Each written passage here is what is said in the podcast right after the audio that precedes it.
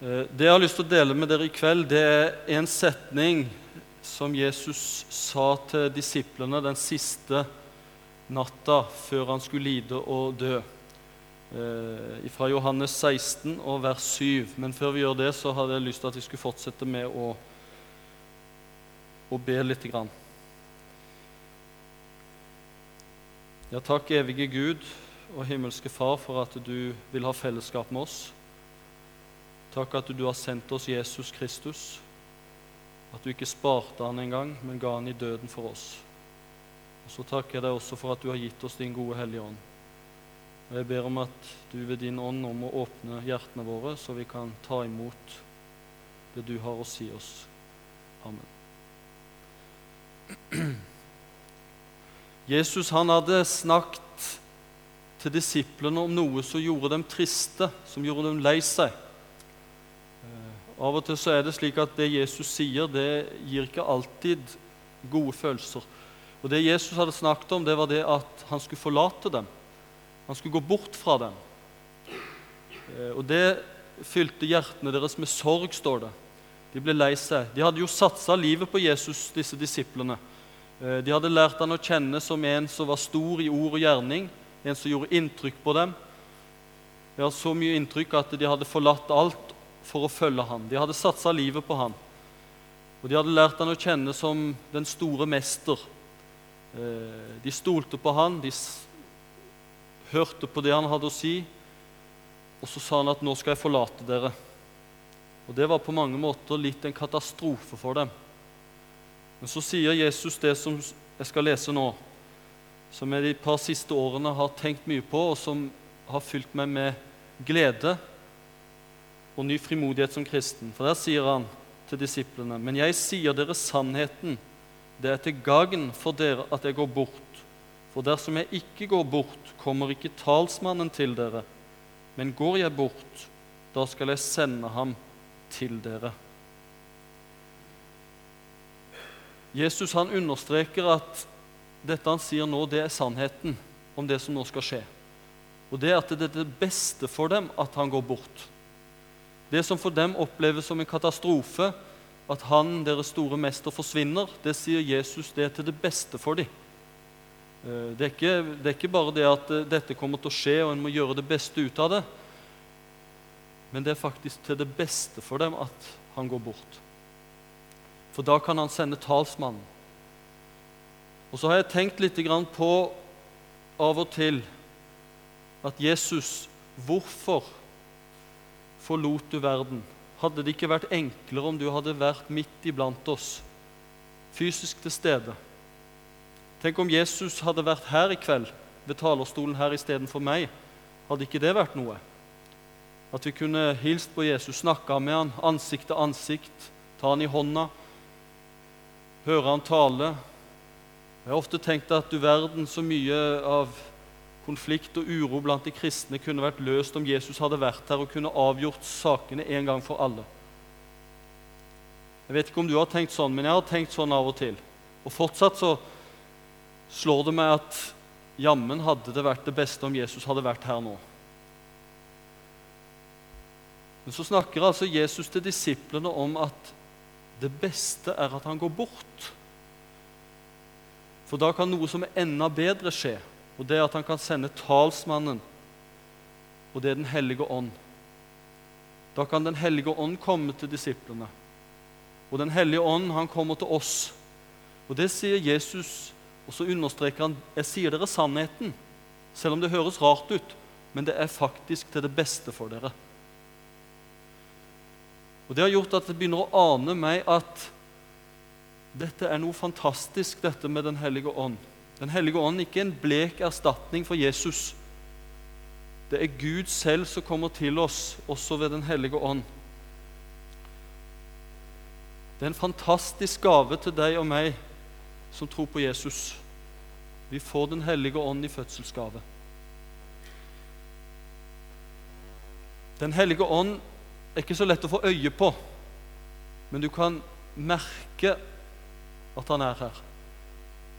Jesus snakker om ånden med et bilde av vinden. Vinden ser vi ikke. Vi kan ikke så si ta på den, men vi merker den. Vi kan se virkninger av den på trærne, bladene.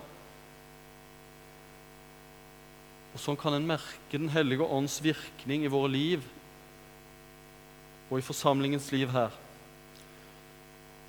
Pinse, det er pinsehelg.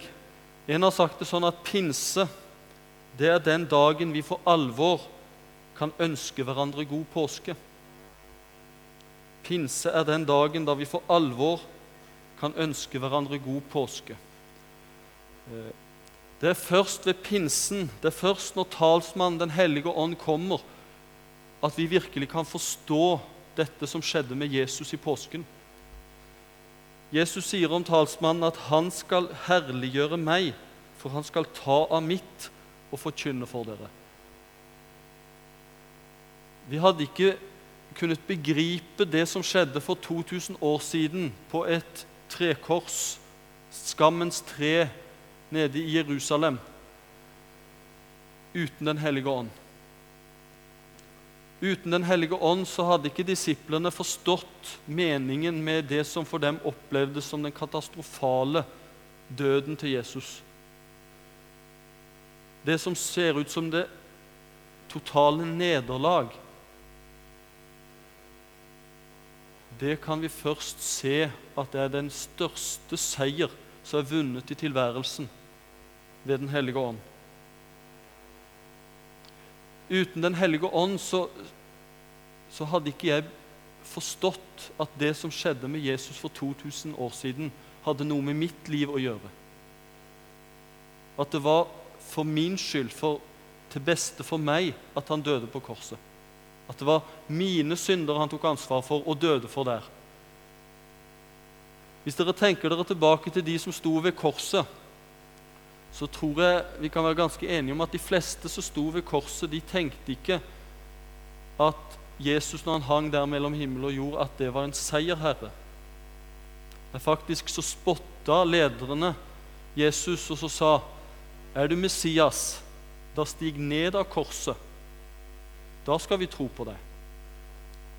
Andre har han frelst, seg selv kan han ikke frelse. Og Profeten Jesaja han sier et underlig ord at Men hvem tenkte Og da så han fram til denne dagen, ser for seg folkene som står ved korset. Men hvem tenkte i hans tid at når han ble utryddet av de levendes land, så var det for mitt folks misgjernings skyld plagen traff ham? Mange av soldatene som sto der, tenkte at når Jesus ble nagla fast med grove nagler til dette treet, så var det på grunn av disse soldatenes unødvendige brutalitet at han ble nagla til korset. På grunn av fariseernes håndmodighet og selvrettferdighet. Av Peters svik når han Banna til og med på at han ikke kjente Jesus. Eller hvem av oss tenker på at det som skjedde i påsken, det var av mine svikt, mine løgner, min falskhet? Uten Den hellige ånd så, så hadde ikke dette demret for oss. Vi hadde ikke fått øye på hvilken betydning Jesus har i våre liv.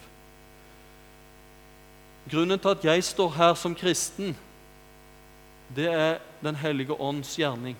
Det er at han har gjort noe i mitt liv og vist meg hvem Jesus er. Luther han har sagt det sånn i sin forklaring til den tredje trosartikkel. Jeg tror at jeg ikke av egen fornuft eller kraft kan tro på Jesus Kristus, min Herre, eller komme til ham, men Den hellige ånd har kalt meg ved evangeliet, opplyst meg osv. Jeg vet ikke om vi tenker på det, men Den hellige ånd er på mange måter den første du har møtt når det gjelder når du har møtt Gud. Det er ikke Jesus. Jesus sa en gang eh, ved en anledning ingen kan komme til meg uten at Faderen, som har sendt meg, drar ham. Og så er det noen som har kalt Den hellige ånd for Faderens kjærlighetslasso. Eh, det er ved Den hellige ånd vår himmelske Far drar oss til seg, drar oss til Jesus. Den hellige ånd er på en måte treenighetens spydspiss. Det er han vi møter oss først, uten å være klar over det. Før vi søker Gud, før vi tenker på Han, så er Han der og påvirker våre liv, gjør noe med oss. Jesus sier om talsmannen det at han skal overbevise verden om synd, om dom og om rettferdighet. Har du merka åndens virkning i ditt liv? Har du merka så å si åndens vindpust?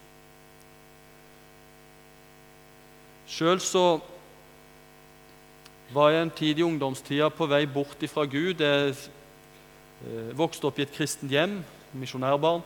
Eh, men i ungdomstida så ble jeg for å si det sånn, litt lei av hele greiene. Jeg forbandt det med mor og far og var begynt å komme litt i trassalderen, så å si. Eh, og ville orientere meg bort ifra det som mor og far sto for. Ville finne veien i livet sjøl. Så jeg var på vei bort fra Jesus.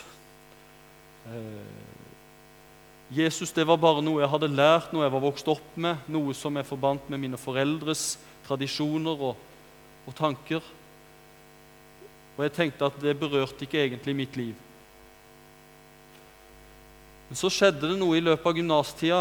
Eh, det hadde med andre kristne å gjøre, og så ble det til at jeg ble med på noen møter av og til.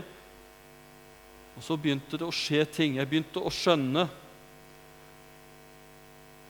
at livet mitt var ikke sånn som det skulle være. Og jeg skjønte at Gud fantes, og jeg skjønte at Jesus var en jeg måtte forholde meg til, uavhengig av mine foreldre. Eh, for mitt forhold til foreldrene skulle jo ikke avgjøre mitt forhold til himmelens og jordens skaper, verdens frelser, verdens dommer. Og Da tenkte jo ikke jeg på det at det var Den hellige ånd som var i virksomhet. Så var det på et møte at det var en som talte. Jeg husker ikke hva han talte om, men jeg husker at det skjedde noe med meg den dagen. Jeg fikk et nytt syn, oppdaga på en måte Jesus på nytt og ble begeistra for Jesus på nytt. Eh, etter det så ble det gradvis viktigere og viktigere for meg, dette med Jesus igjen. Du har sikkert din historie òg med ting som skjedde i ditt liv, som gjør at du sitter her kanskje og tror på Jesus. Den hellige ånd er den som er årsaken til at du er her og tror på Jesus. Eller om du ikke tror på Jesus, så er også årsaken til at du er her, nettopp Den hellige ånd, som ønsker å dra deg inn i Guds fellesskap. Åndens komme, pinsedag, som vi skal feire i morgen, det er på en måte startskuddet for verdensmisjonen. Den hellige ånd kom, og han har en lidenskap. Han ønsker at alle mennesker skal lære Jesus å kjenne. Og pinsedag, da skjer det et merkelig språkunder. Eh, Peter og disiplene begynner å tale. Og så opplever folk som har masse forskjellige språk, at de hører evangeliet på sitt eget språk, på sitt eget morsmål. Og Det er på en måte Babels forvirring i revers.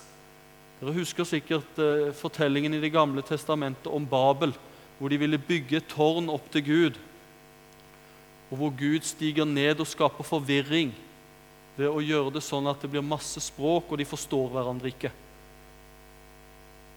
Pinse det er på en måte språkunderet i vers, eller språkforvirringen i revers. Den hellige ånd han kommer og vil tale til hjertet ditt og mitt, så vi forstår det. Det er mye når det gjelder Gud og Guds rike vi ikke kan begripe og forstå. Men Den hellige ånd han kommer og så taler inn i våre liv, inn i våre hjerter, sånn at vi forstår det, sånn at den enkelte av oss forstår det. Han er sensitiv for det som du trenger, det som jeg trenger.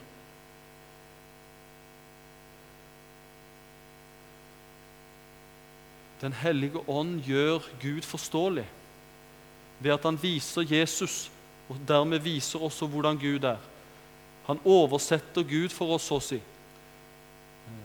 Men Derfor er det også viktig når en sender misjonærer rundt om i verden, at de lærer seg språket blant de menneskene de vil vinne.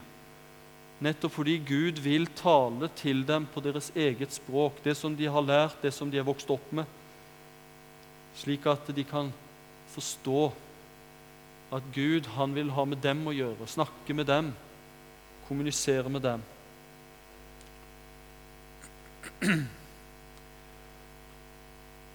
Men Den hellige ånd han bruker forskjellige vitner. Eh, med meg så er det iallfall sånn at det er mennesker i mitt liv som har betydd noe for at jeg er en kristen i dag. Mine foreldre har betydd mye med det de har gitt meg fra barnsben av. Og så er det andre jeg har møtt. Det er talere, det er gode kamerater som jeg har hatt bibelgruppe med, folk som jeg har kunnet snakke med to til to. Og bak dem så står egentlig Den hellige ånd og arbeider selv om vi ikke ser han, så merker vi virkningene. Det står en underlig beretning i apostelgjerningene 10 om eh, en som heter Kornelius. Han var en, eh, en eh, offiser, en betydningsfull mann. Og han var en som var søkende. Han trodde på Gud. Han ga mye penger til fattige. Han ba mye. Han var en som søkte Gud, men han var ikke noen kristen. Eh, men så får han englebesøk. Den hellige ånd sender en engel til Kornelius. Og Kornelius får beskjed om at han skal sende noen av sine folk til, til uh, Jaffa, der Peter er. Så sier han at Peter han skal tale ord som du skal bli frelst ved. Jeg har av og til undra meg på hvorfor i all verden kunne ikke nei, eh, engelen forkynne evangeliet for Kornelius. Guds sendebud var jo der, i Cesarea, der Kornelius eh, ba. Nei, det virker som Gud, eller Gud har bestemt seg for å bruke mennesker som deg og meg, som en Peter, ufullkomne. Og Noe av grunnen det er nok det at englene forstår ikke helt dette med evangeliet. De har ingen erfaring med å være menneske. De har ingen erfaring med å være en synder, en som de ikke lykkes for. Og de har heller ingen erfaring med å bli en tilgitt synder. Peter har det. Han hadde svikta kapitalt. Men han hadde òg opplevd det velsignede ved å bli tilgitt. Det å oppleve at Jesus ville ha han fortsatt, til tross for sviket. Og ikke bare det, men Jesus ville bruke Peter som hyrde, som evangelist, til å vinne andre. Den hellige ånd ville bruke Peter for å vinne Kornelius. Men Den hellige ånd han måtte ikke bare gjøre, jobbe med Kornelius, forberede Kornelius på et møte der han skulle bli en kristen. Også Peter måtte den hellige ånd forberede. For Peter var egentlig ikke helt klar til å forkynne evangeliet for Kornelius. For Kornelius var en hedning. Peter var en jøde. Og jøder de skulle ikke gå inn i et hus til en hedning. De kunne ikke spise måltid med en hedning. Men så opplever Peter, mens han er på taket og ber Han er blitt sulten og har bestilt mat. Og så er han vel i ferd med å avslutte bønnen, og så opplever han noe rart. Han får oppleve et syn, et merkelig syn. Det, det, blir, det stiger ned en duk med masse dyr, firfødte og masse rare dyr som er urene for en jøde. De fikk ikke spise hva som helst. Ikke gris, ikke forskjellige klovdyr og forskjellig. Og så sa en stemme, Ta, stå opp slakt og et. Ikke tale om, sa Peter. Jeg har aldri spist noe urent, og ikke vil jeg gjøre det nå heller. Tre ganger skjedde dette, og stemmen sa òg, det som jeg har kalt rent, skal ikke du kalle urent. Så lurte Peter på i all verden er dette her for slags uh, syn? Hva er budskapet i dette her? og så ringer det så å si på døra. Det gjorde vel ikke akkurat det, men, men da er det folk på døra. Og det er utsendingene til Kornelius, som sier at nå må du bli med oss til Kornelius. Og Den hellige ånd sier til Peter du skal bryte opp og følge med disse mennene. Og Da begynner det å demre for Peter hva dette handler om. Og på vei til Kornelius så tror jeg det har surra mye i Peters hode. For Peter han hadde nok hørt Jesus snakke om at evangeliet det skal gjelde alle folkeslag. Han har til og med sagt til Peter og disiplene at dere skal gå ut i all verden og forkynne evangeliet. For alle folkeslag, fra Jerusalem av og til jordens ender. Men det virker allikevel som om det ikke helt har gått inn hos Peter. Han var ikke klar for å stige over dørterskelen til en hedning. For han så han som en uren. Han visste det i teorien, men han hadde ikke på en måte skjønt det skikkelig. Og Derfor så sier han, når han faktisk går inn i huset til Kornelius, for det gjør han nå, så sier han nå skjønner jeg i sannhet at Gud ikke gjør forskjell på folk, men tar seg ut mennesker av alle folkeslag. Den hellige ånd han arbeider både med de som han vil vinne for Guds rike, men han arbeider òg med deg og meg for å gjøre oss klar til å vinne andre mennesker. For Det er ikke sikkert at du er klar til å forkynne evangeliet for naboen din, kollegaen din, medstudenten din eller familien din. Jo, du vet i teorien at evangeliet er for de alle. Men det er ikke sikkert at et menneske som lever helt annerledes enn oss kristne, lever i samboerskap, bannskap, festing ja, Det trenger ikke å være sånt heller. Det kan være som en Kornelius òg, pyntelig og skikkelig menneske. Men selv om vi i teorien vet at også evangeliet er for dem,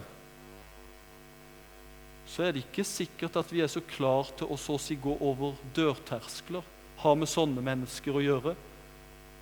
Interessere oss i deres liv, involvere oss i deres liv og så dele evangeliet med dem. Iallfall har også Den hellige ånd måttet jobbe, ta noen runder også med meg. Eh, og forberede også meg i møte med andre mennesker. Til det beste for oss, sa Jesus, at han kunne sende talsmannen til oss. Jesus er borte fra oss, så å si. At han ikke er fysisk til stede. Jesus han sa noe mer. Han sa i kapittel 14 og vers 18 Så sier han sånn Jeg skal ikke etterlate dere farløse. Jeg kommer til dere. Ja, Jesus er ikke synlig til stede, men han kommer til oss. Ja, faktisk så er han oss nærmere enn om han skulle vært her fysisk til stede. Han er i ditt hjerteliv, han stiger inn i ditt hjerte. Han er det tettere enn din ektefelle, om du har noe sånt. Han er tettere enn din nærmeste venn. Han kommer inn i ditt liv ved Den hellige ånd. Intet mindre. Og I 1423 så sier Jesus Jesus svarte og sa til ham, om noen elsker meg, da holder han fast på mitt ord, og min far skal elske ham, og vi skal komme til ham og ta bolig hos ham. Den treenige Gud tar bolig hos oss. Det er til det beste for dere at jeg går bort, sier Jesus. For da kan jeg komme deg enda nærmere enn noensinne. Jesus var enda nærmere Peter, Jakob og Johannes enn der han satt skjærtorsdagsnatt og innstifta nattverd med dem. Etter pinsedag så var Jesus med dem i hjertet. Og Derfor så omtales vi også av Paulus som et tempel. Et tempel for Den hellige ånd. Et tempel for Gud. Hvis du tar litt time-out og så å si lukker øynene og tenker litt på hva det innebærer. Gud, himmelens og jordens skaper, han som har skapt galaksene, universet, jordkloden vår, planter, dyrelivet, alle menneskene, fra verdens skapelse til i dag, han som holder livet oppe, han som skal være verdens dommer. Han har valgt seg ut deg som sitt bosted. Han er ikke bare på visitt, men han vil bo der. Han vil bety noe i livet ditt. Han vil påvirke deg. Han vil ha fellesskap med deg. I Romerne 8 så står det om at alle de som drives av Guds ånd, de er Guds barn.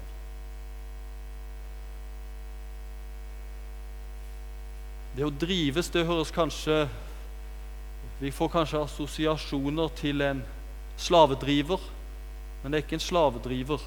Dere fikk jo ikke trelldommens ånd, så dere igjen skulle frykte, sier Paulus videre. Men dere fikk barnekårets ånd, som gjør at vi roper 'Abba, far'. Den hellige ånd i ditt og mitt liv, han tilskynder oss til et fortrolig forhold til vår Gud, til å kalle Gud vår far, som et barn som tillitsfullt kan snakke med han, regne med hans hjelp, regne med at han forstår hva jeg trenger. Du er privilegert som en kristen. Det var til det beste for deg og meg at Jesus gikk bort, at han ikke er synlig til stede. For da er han deg nærmere enn du noensinne hadde tenkt. Han er der med sin tilgivelse, med sitt liv, med sin barmhjertighet, med sin nåde. Og til slutt så har jeg bare lyst til å ta med en tanke til som viser hvilken fantastisk ting det er å ha Den hellige ånd i sitt liv. Romerne 8,11 så står det sånn Men dersom Hans ånd, som reiste Jesus opp fra de døde, bor i dere, da skal Han som reiste Kristus opp fra de døde, også levendegjøre deres dødelige legemer ved sin ånd som bor i dere. Hørte du det jeg leste? Og Da tenker jeg ikke bare at du bare hørte lydene, ordene, men hører du hva Paulus virkelig sier, som bor i ditt liv? Den samme som reiste Jesus seierrikt opp av døden. Jesus han var drept på et kors, lagt i en grav, hadde ligget der tre dager. Og så ble han reist opp fra de døde ved Den hellige ånd. Denne ånd er det som bor i ditt liv. Det er livets ånd. Og det er den ånd som en dag skal reise deg opp og gi deg en fullkommen kropp til det fullkomne livet. I det livet der intet ondt skal være, der herligheten skal være. Om du merker på ondskapens krefter her i livet, ja, og dødens krefter Kanskje går og bærer på frykt for døden. I ditt liv så har du Den hellige ånd som skal reise deg opp. Døden er ikke det siste ordet i ditt og mitt liv. For Den hellige ånd bor i ditt liv. Det er på en måte forskudd på arven, snakker Bibelen om. Pantet på vår arv. Vi har ikke fått alt ennå. Det får vi først når Jesus kommer igjen og skal gjenopprette alt, skape nye himmel og nye jord. Men vi har fått forskudd på arven ved at Gud selv ved Den hellige ånd bor i våre liv. Det syns jeg er fantastisk. Skal vi takke og be. Takk, gode Gud, for at du har gjort så fantastiske ting med våre liv og i våre liv. Takk at du sendte Jesus for å dø for våre synder og sette oss fri. Takk også at du har sendt oss din gode Hellige Ånd, talsmannen, og at det er til det beste for oss. Takker og lover deg for at du alltid gjør det som er best for oss. Amen.